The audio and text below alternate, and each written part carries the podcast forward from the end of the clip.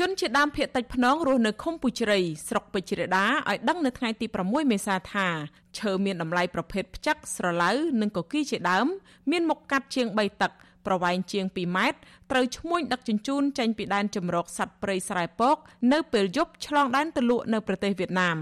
អ្នកភូមិថាពលរដ្ឋខ្លះបង្ខំចិត្តចូលព្រៃកាប់ឈើលក់ឲ្យឈ្មួញជាមុខរបរដោយសារតែខ្វះខាតជីវភាពសមាជិកសហគមន៍ភូមិពុជ្រៃលោកច្រើនស៊ីនួនអះអាងថាស្ទើរជារៀងរាល់យប់មានរថយន្តឆ្នៃមិនក្រោម20គ្រឿងនោះទេដឹកឈើចេញពីដែនជំរកសត្វព្រៃស្រែពក នៅចំណុចឃុំពុជ្រៃឆ្ពោះទៅប្រទេសវៀតណាមតាមច្រកដាក់ដាំលោកបារម្ភថាពលរដ្ឋមូលដ្ឋានខ្លះស៊ីឈ្នួលកាប់ឈើទៅលក់ឲ្យឈ្មួញដឹកតាមម៉ូតូចេញពីព្រៃអភិរក្សមករក្សាទុកនៅក្នុងភូមិហើយក្រុមឈ្មួញបានទិញបន្តរួចដឹកទៅលក់នៅប្រទេសវៀតណាមគឺពួកគាត់ដឹកឡានកែច្នៃជាថាការឡានដែលមានការអីចឹងណាមានត្រាហើយទី2ទៀតគាត់ត្រាដូចជាម៉ូតូម៉ូតូកែច្នៃម៉ូតូដៃចឹងទៅហើយគាត់ដឹកចឹងហើយគាត់ធ្វើពីព្រៃតែបើសិនយើងទៅដល់កន្លែងដូចជាតាមសិប្បកម្មក៏ដូចជាឈ្មួញហ្នឹងទៅហើយគាត់យកតាមទៀតហ្នឹងគាត់ដឹកតាមឡានសំយងអីជាដើមអញ្ចឹងណាពីបរងពីបាត់បង់ដូចជាការចម្រោកសាបចម្រោកឃុំអីចឹងណាជនជាដើមភៀតតិចភ្នងរូបនេះបារម្ភថាសកម្មភាពកាប់បំផ្លាញព្រៃឈើក្នុងតំបន់អភិរក្សស្ទើររៀងរាល់ថ្ងៃបង្កផលប៉ះពាល់កន្លែងអាស្រ័យផលព្រៃឈើរបស់ជនជាដើមភៀតតិចបាត់បង់ចម្រោកសត្វព្រៃ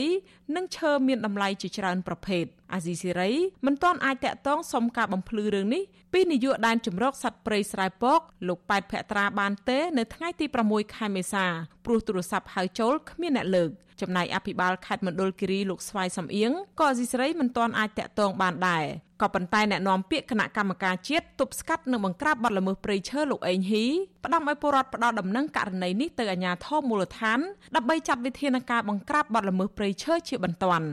លោកថាអាជ្ញាធរខេត្តមណ្ឌលគិរី ជាសេនាធិការរបស់គណៈកម្មការជំនាញកំពុងប្រឹងប្រែងបង្ក្រាបបទល្មើសព្រៃឈើជាហូរហែអត់ដឹងថាអ្នកណានិយាយកើតមានច្រើនហ្នឹងកាលណាមានបទល្មើសគេបង្ក្រាបរហូតបើថ្នាក់ខេត្តគេនៅធ្វើដែរសូមសួរទៅថ្នាក់ខេត្តហ្មងទៅអបាលខេត្តហ្មងទៅបើហ្នឹងទោះជាយ៉ាងណាមន្ត្រីពង្រឹងសិទ្ធិអំណាចសហគមន៍មូលដ្ឋាននៃសមាគមការពារសិទ្ធិមនុស្សអាត់ហុកលោកប៉ែនប៊ុនណាសង្កេតឃើញថាព្រៃឈើនៅក្នុងតំបន់អភិរក្សត្រូវបានកាប់បំផ្លាញជាការធ្វេសប្រហែសរបស់អាជ្ញាធរប្រការនេះលោកថាការបដិញ្ញាចិត្តទាំងឡាយរបស់លោកសខេងនិងលោកសៅសុខាតេតិនទៅនឹងការបង្ក្រាបបទល្មើសព្រៃឈើឆ្លងដែននិងគ្មានប្រសិទ្ធភាពយូរអង្វែងនោះទេក៏តែបើសិនជាយើងនិយាយពីបទល្មើសវាធ្ងន់ធ្ងរបាទបើសិនជាព្រៃឈើការកាប់ឈើ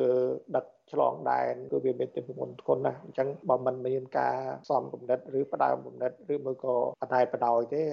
បទល្មើសទាំងអស់ក៏អាចកើតឡើងបានដែរបាទអញ្ចឹងដែនជំរកសត្វព្រៃស្រែពក ត្រូវបានរដ្ឋាភិបាលចេញអនុក្រឹត្យកំណត់ជាតំបន់ការពារធម្មជាតិមានទំហំជិត4សែនហិកតាស្ថិតនៅក្នុងស្រុកកោះញែកនិងស្រុកពេជ្រដាខេត្តមណ្ឌលគិរីលាតសន្ធឹងជាប់ព្រំដែនវៀតណាមទល់នឹងស្រុកអូយ៉ាដាវរបស់ខេត្តរតនគិរី ជំវិញបាត់ល្មើសព្រៃឈើនេះដែរអាជ្ញាធរខេត្តមណ្ឌលគិរីសម្រាប់ដោះលែងរថយន្តយីដុបចំនួន13គ្រឿងដែលផ្ទុកឈើប្រណិតរាប់ពាន់ម៉ែត្រគូបដឹកទៅលក់នៅប្រទេសវៀតណាមចំនួនឈើខ្នាតធំនេះជារបស់ក្រុមហ៊ុនលឹមរ៉ូយ៉ាល់ដែលមានអង្គការលឹមប៊ុនណាហៅខ្នាជាម្ចាស់ក្រុមហ៊ុននេះអ្នកនាំពាក្យសាលាដំបងខេត្តមណ្ឌលគិរីលោកមាសប្រុសប្រាប់អាស៊ីសេរីយ៉ាងខ្លីថាតំណាងអัยការនិងមន្ត្រីជំនាញសម្រាប់ប្រគល់រថយន្តទាំងនេះឲ្យក្រុមហ៊ុនវិញហើយកាលពីសប្តាហ៍មុន បន្ទាប់ពីរកឃើញថាក្រុមហ៊ុនមានលិខិតអនុញ្ញាតពីមន្ត្រីជំនាញរដ្ឋបាលព្រៃឈើកាលពីចុងខែកុម្ភៈកន្លងទៅនគរបាលប្រឆាំងបទល្មើសសេដ្ឋកិច្ចនៃស្នងការដ្ឋាននគរបាលខេត្តមណ្ឌលគិរីបានឃាត់ចាប់រថយន្តដឹកឈើរបស់ក្រុមហ៊ុនលឹមរ៉ូយ៉ាល់ចំនួន13គ្រឿងសង្ស័យពុំមានលិខិតអនុញ្ញាតចា៎នេះខ្ញុំខែសុណងអាស៊ីសេរីរាយការណ៍ពីរដ្ឋធានី Washington